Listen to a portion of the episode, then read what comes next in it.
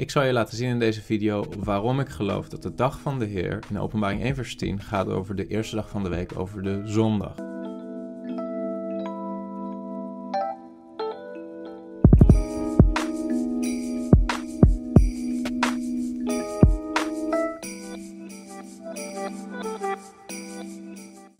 God zegen allemaal. In mijn vorige video over de Sabbat heb ik een korte verwijzing gemaakt naar Openbaring hoofdstuk 1 vers 10, specifiek naar de betekenis van de dag des Heren, uh, een zinsnede die we daar aantreffen. En daar kreeg ik wat vragen over, want ik ik maak daaruit op dat het gaat over de zondag, over de eerste dag van de week, die daar in de schrift al genoemd wordt de dag des Heren. Uh, maar sommige van jullie uh, hadden daar vragen over, uh, zoals Peter Pieper en Dirk van Urk. Dirk van Urk vroeg bijvoorbeeld, de dag van de Heer, zou dat niet kunnen gaan over uh, de dag van de Heer in eschatologische zin, zoals in Handelingen 2 vers 20 bijvoorbeeld, of in 1 Thessalonicense 5 vers 2. En hij zegt erachteraan, het komt mij wat bevreemdend over dat hier plots een andere invulling wordt gegeven aan het begrip de dag van de Heer. Dat is een hele terechte vraag. Uh, en toch denk ik dat je uh, hier een andere betekenis vindt dan in die andere schriftgedeelten. We kijken naar het schriftgedeelte, Openbaring hoofdstuk 1, vers 9 tot 11. Daar lezen we het volgende. Ik, Johannes, die ook uw broeder ben en deelgenoot in de verdrukking en in het koninkrijk en in de volharding van Jezus Christus, was op het eiland genaamd Patmos omwille van het woord van God en het getuigenis van Jezus Christus. En hier gaat het om, vers 10. Ik was in de geest op de dag des Heren, op de dag van de Heer. En ik hoorde achter mij een luide stem als van een bazuin die zei: Ik ben de Alpha en de Omega, de eerste en de laatste. In het Grieks staat er in vers 10: Egenomen en pneumati en te kuriake hemera, kai ekusa opizomu phonein megalein. Ik was in de geest op de dag van de Heer en ik hoorde achter mij een grote stem. Um, dat, dat, die zinsnede daar in het Grieks, ente kuriake hemera, dat is waar het om gaat. We stellen onszelf de vraag, wat betekent dat? Het is mijn overtuiging dat kuriake hemera in het Grieks, dat het gaat over de zondag, over de eerste dag van de week. Dat Johannes wil zeggen, ik was op de dag van de Heer, op zondag, in de geest en ik hoorde achter mij een stem. En dan krijgt hij die openbaring en dat visioen. Uh, en ik zal straks wat argumenten noemen waarom ik dat geloof. Als je overigens verder wil verdiepen in dit onderwerp, ook na het zien van dit filmpje, dan raad ik het boek van D.A. Carson aan, From Sabbath to Lord's Day, A Biblical, Historical and Theological Investigation. Specifiek hoofdstuk 8, wat geschreven is door Bauckham. Ik zal een link onder dit filmpje zetten, zodat je het makkelijk kunt vinden. Maar de vraag is dus, Kyriake Hemera, uh, wat betekent dat? En wat interessant is, in het Nederlands valt er niet zo heel veel op aan deze zinsnede en vraag je inderdaad af, is dit niet gewoon een verwijzing naar de eschatologische dag van de Heren? De dag des Heren, zoals bijvoorbeeld in Handeling hoofdstuk 2 ook wordt genoemd. Uh, oorspronkelijk afkomstig uit Joël hoofdstuk 2, maar ook andere oud-testamentische profeten die het hebben over de komende dag van de Heren. De dag van het oordeel, de dag dat God alle dingen recht zal zetten. Um, maar het Grieks zegt, vertelt eigenlijk een ander verhaal. Want de term Kyriake Hemera die komt als term maar één keer voor in het Nieuwe Testament, namelijk hier in Openbaring hoofdstuk 1, vers 10. Uh, eh, het woordje kuriakos uh, of kuriake is interessant. Het is namelijk een bijvoeglijk naamwoord wat afgeleid is van kurios, van heer. Hemera betekent in het Grieks dag. Dus kuriake hemera betekent eigenlijk de heerlijke dag. Hè? Dus het woord heer als bijvoeglijk naamwoord. De heerlijke dag, de dag van de Heer. Uh, maar dat is niet uh, de meest voor de hand liggende wijze om dag van de Heer te zeggen in het Grieks. Dat zou namelijk zijn door het woord kurios daar een genitivusvorm voor te gebruiken, waardoor je krijgt hemera tu kuriou. Überhaupt komt dit uh, bijvoeglijk naamwoord, dus kuriake of kuriakos, komt maar twee keer voor in het hele Nieuwe Testament. Namelijk hier op deze plek en in 1 Korinthe hoofdstuk 11, vers 20, waar het gaat over de maaltijd van de Heer. Oftewel de heerlijke maaltijd, als je het heel letterlijk zou vertalen. In de Septuaginta, de Griekse vertaling van het Oude Testament, daar vind je deze term, dit woord, kuriakos of kuriake, helemaal niet. Uh, wat aangeeft dat dit een heel, uh, ja, toch uniek of zeldzame manier is om het te hebben over de dag van de Heer. Zeg je misschien, broeder Chris, waarom is dat belangrijk dat het in de Septuaginta niet voorkomt? Nou, omdat de apostelen in hun geschriften vooral de oud-testamentische versen citeren vanuit de Septuaginta. Als we even een stap terugzetten naar Openbaring hoofdstuk 1 vers 10, dan zijn er in theorie vier mogelijke betekenissen of vier enigszins plausibele betekenissen voor uh, deze zinsnede uh, Kyriake Hemera. De, de, eerste is dat het inderdaad gaat over de eschatologische dag van de Heer. Dus de dag die nog in de toekomst ligt, dat de Heer zal komen en alle dingen recht zal zetten. de dag des oordeels. Uh, een tweede betekenis, en dat is degene die ik het meest waarschijnlijk acht, is dat het gaat over de zondag, over de eerste dag van de week. Dus dat Johannes zegt: Ik was in de geest op de zondag. Een derde mogelijke betekenis is dat het gaat over de zaterdag of over de sabbat. Maar dat is niet zo waarschijnlijk, omdat in de Bijbel nooit wordt verwezen naar de Sabbat met deze Griekse woorden of met de dag des Heren. Uh, dus het zou logischer zijn dat als Johannes dat bedoelt, dat hij dan gewoon de Sabbat zou hebben genoemd. Ik was in de geest op de Sabbat. Een vierde theoretische interpretatie is dat het gaat over de paaszondag. Dus één keer per jaar, uh, de, de eerste dag van de week, de dag waarop de Heer is opgestaan uit de dood, en verbonden aan het Pesachfeest. Maar ook die dag wordt nooit specifiek de dag van de Heer genoemd op deze manier. Dus die, die twee interpretaties zijn minder waarschijnlijk. Dat het zou gaan over de Sabbat of dat het zou gaan over de paaszondag. Nee, het is logischer uh, dat het gaat over ofwel de eschatologische dag van de Heer, ofwel de zondag als eerste dag van de week. Waarom ben ik er niet van overtuigd dat dit gaat over de eschatologische dag van de Heer? Uh, in dat geval zou dus Johannes bedoelen: ik was in de geest op de dag van de Heer. Uh, wat hij dan bedoelt te zeggen in die interpretatie is dat hij in de geest getransporteerd werd naar de eschatologische dag van de Heer, dus een toekomstige gebeurtenis. Maar er zijn een paar dingen die daar tegen pleiten.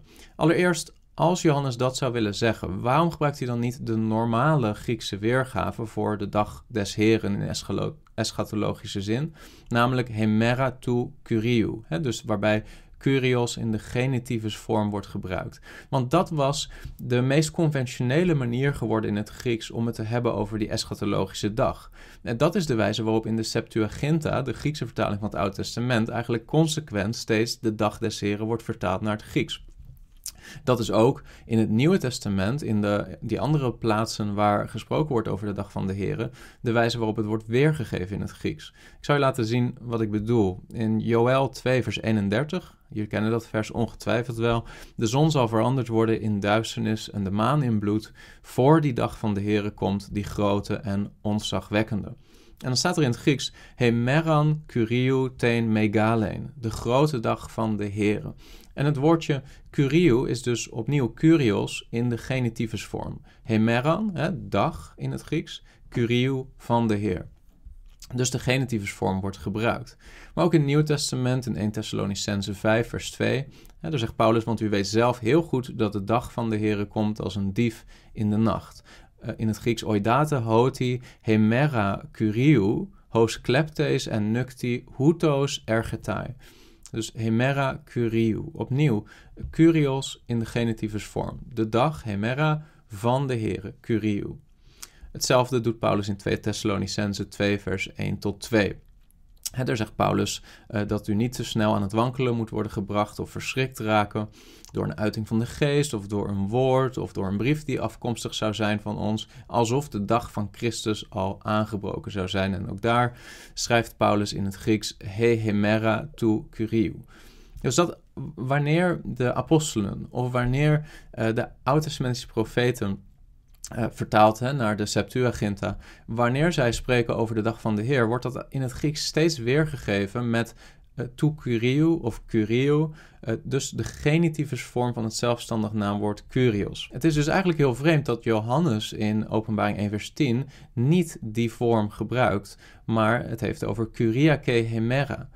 Het gebruik van die term kuriake, dus dat is een bijvoeglijk naamwoordvorm van kurios, uh, dat vinden we vervolgens ook in vroege kerkelijke geschriften, zoals de Didache, uh, de brief, brief van Ignatius, het evangelie van Petrus, wat overigens een apocryf geschrift is.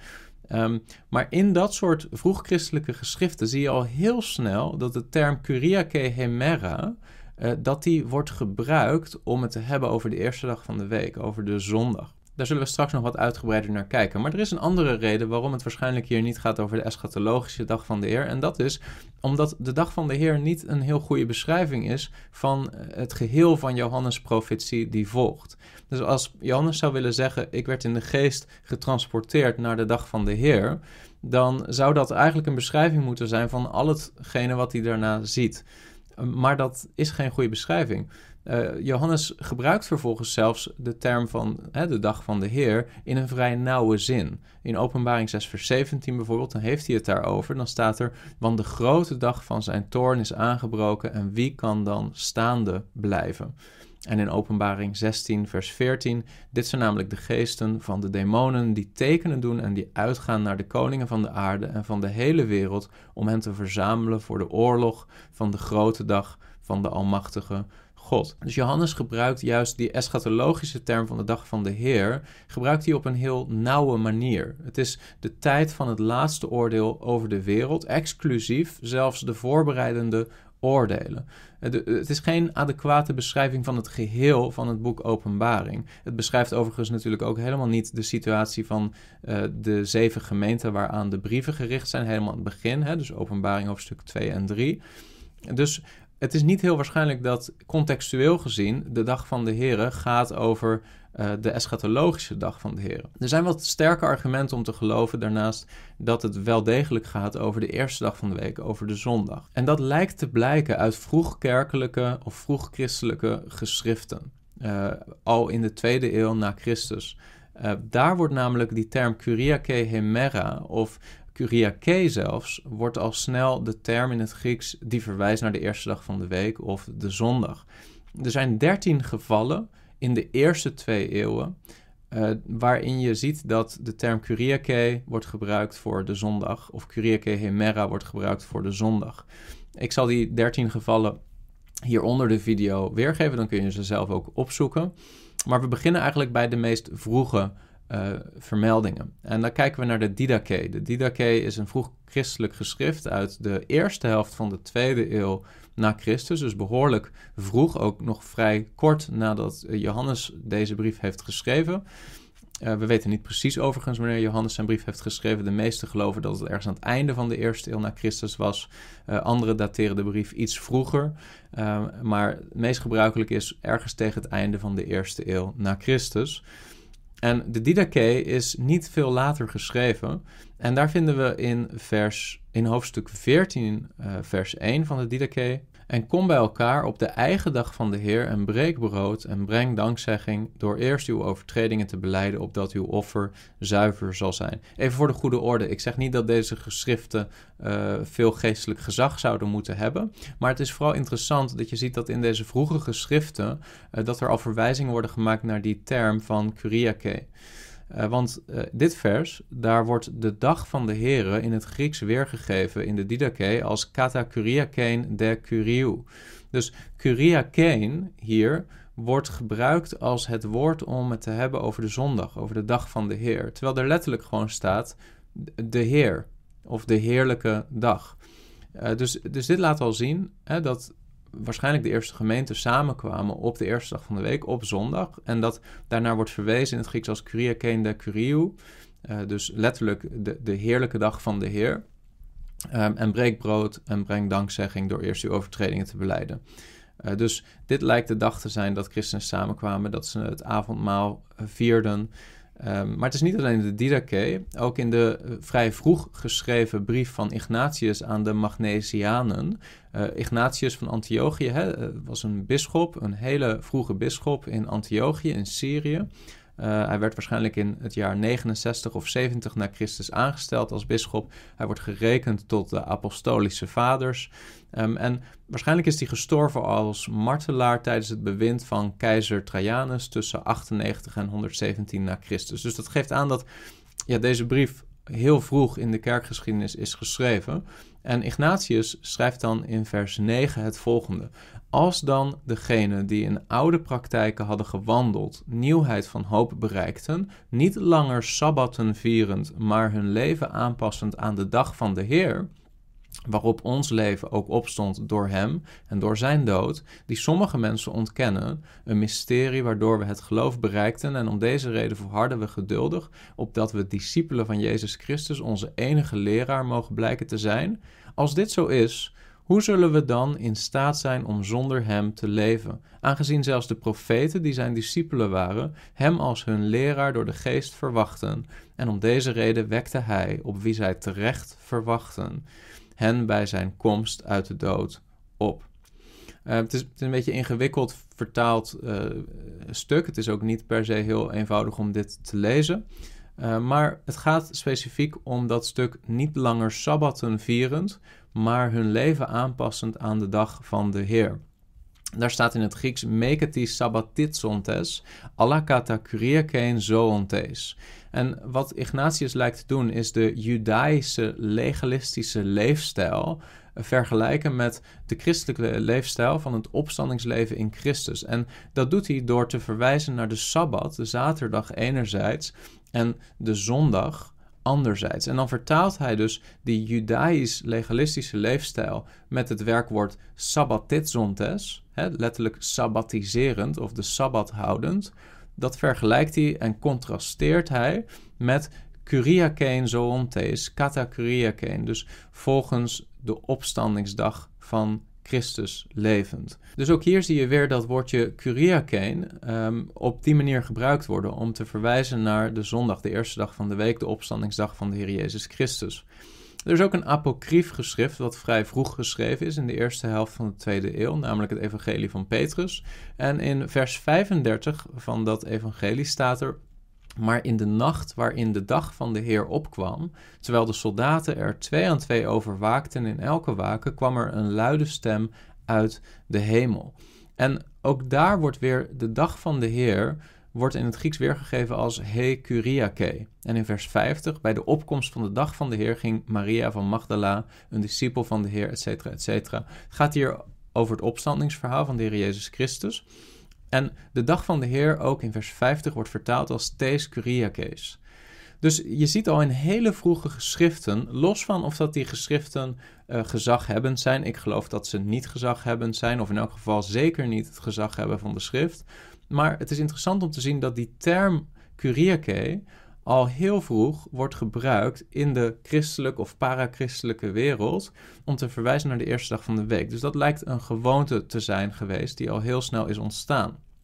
Overigens, als je kijkt naar iets latere geschriften, dus in de tweede helft van de tweede eeuw naar Christus, daar zie je dat de term Kyriake als synoniem is aan zondag. Dat daar geen enkele twijfel meer over bestaat, zoals misschien nog wel uit deze uh, citaten van de Didache of het Evangelie van Petrus of de brief van Ignatius aan de Magnesianen. Maar je ziet al heel snel aanwijzingen dat Kyriake's of Kyriake, dat dat een, um, een, een synoniem wordt voor de zondag, de eerste dag van de week. Dus conclusie, het lijkt zo te zijn dat in de eerste gemeente al vanaf de opstanding van de Heer Jezus Christus op de eerste dag van de week, op de zondag, dat die dag belangrijk is geworden voor de eerste gemeente. Het is de dag waarop de Heer verschijnt na zijn opstanding aan zijn apostelen, aan de vrouwen bij het graf. Uh, het is een week later zo dat hij ook weer op zondag verschijnt aan uh, Thomas, die er niet bij was op die eerste opstandingsdag.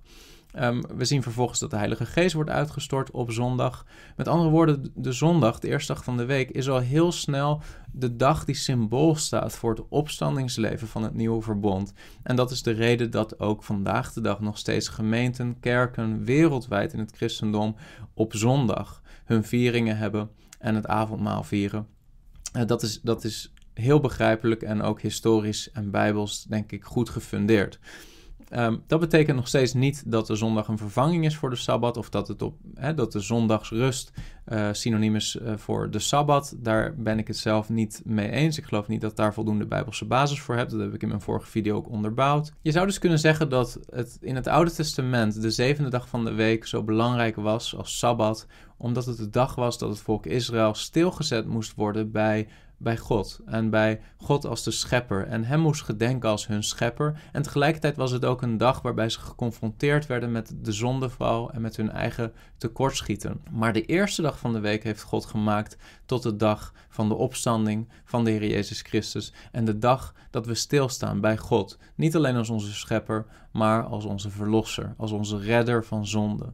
Uh, zo zie je dat de zevende dag van de week, de Sabbat, uh, een symbolische waarde heeft verbonden aan het oude verbond. Maar de eerste dag van de week symbolisch centraal is komen te staan voor het Nieuwe Testament, het verbond van genade en van verlossing van zonde. Ik hoop dat je iets hebt gehad aan deze video en mocht je nog vragen hebben hierover, dan weet je me te vinden in de comments. God zegen.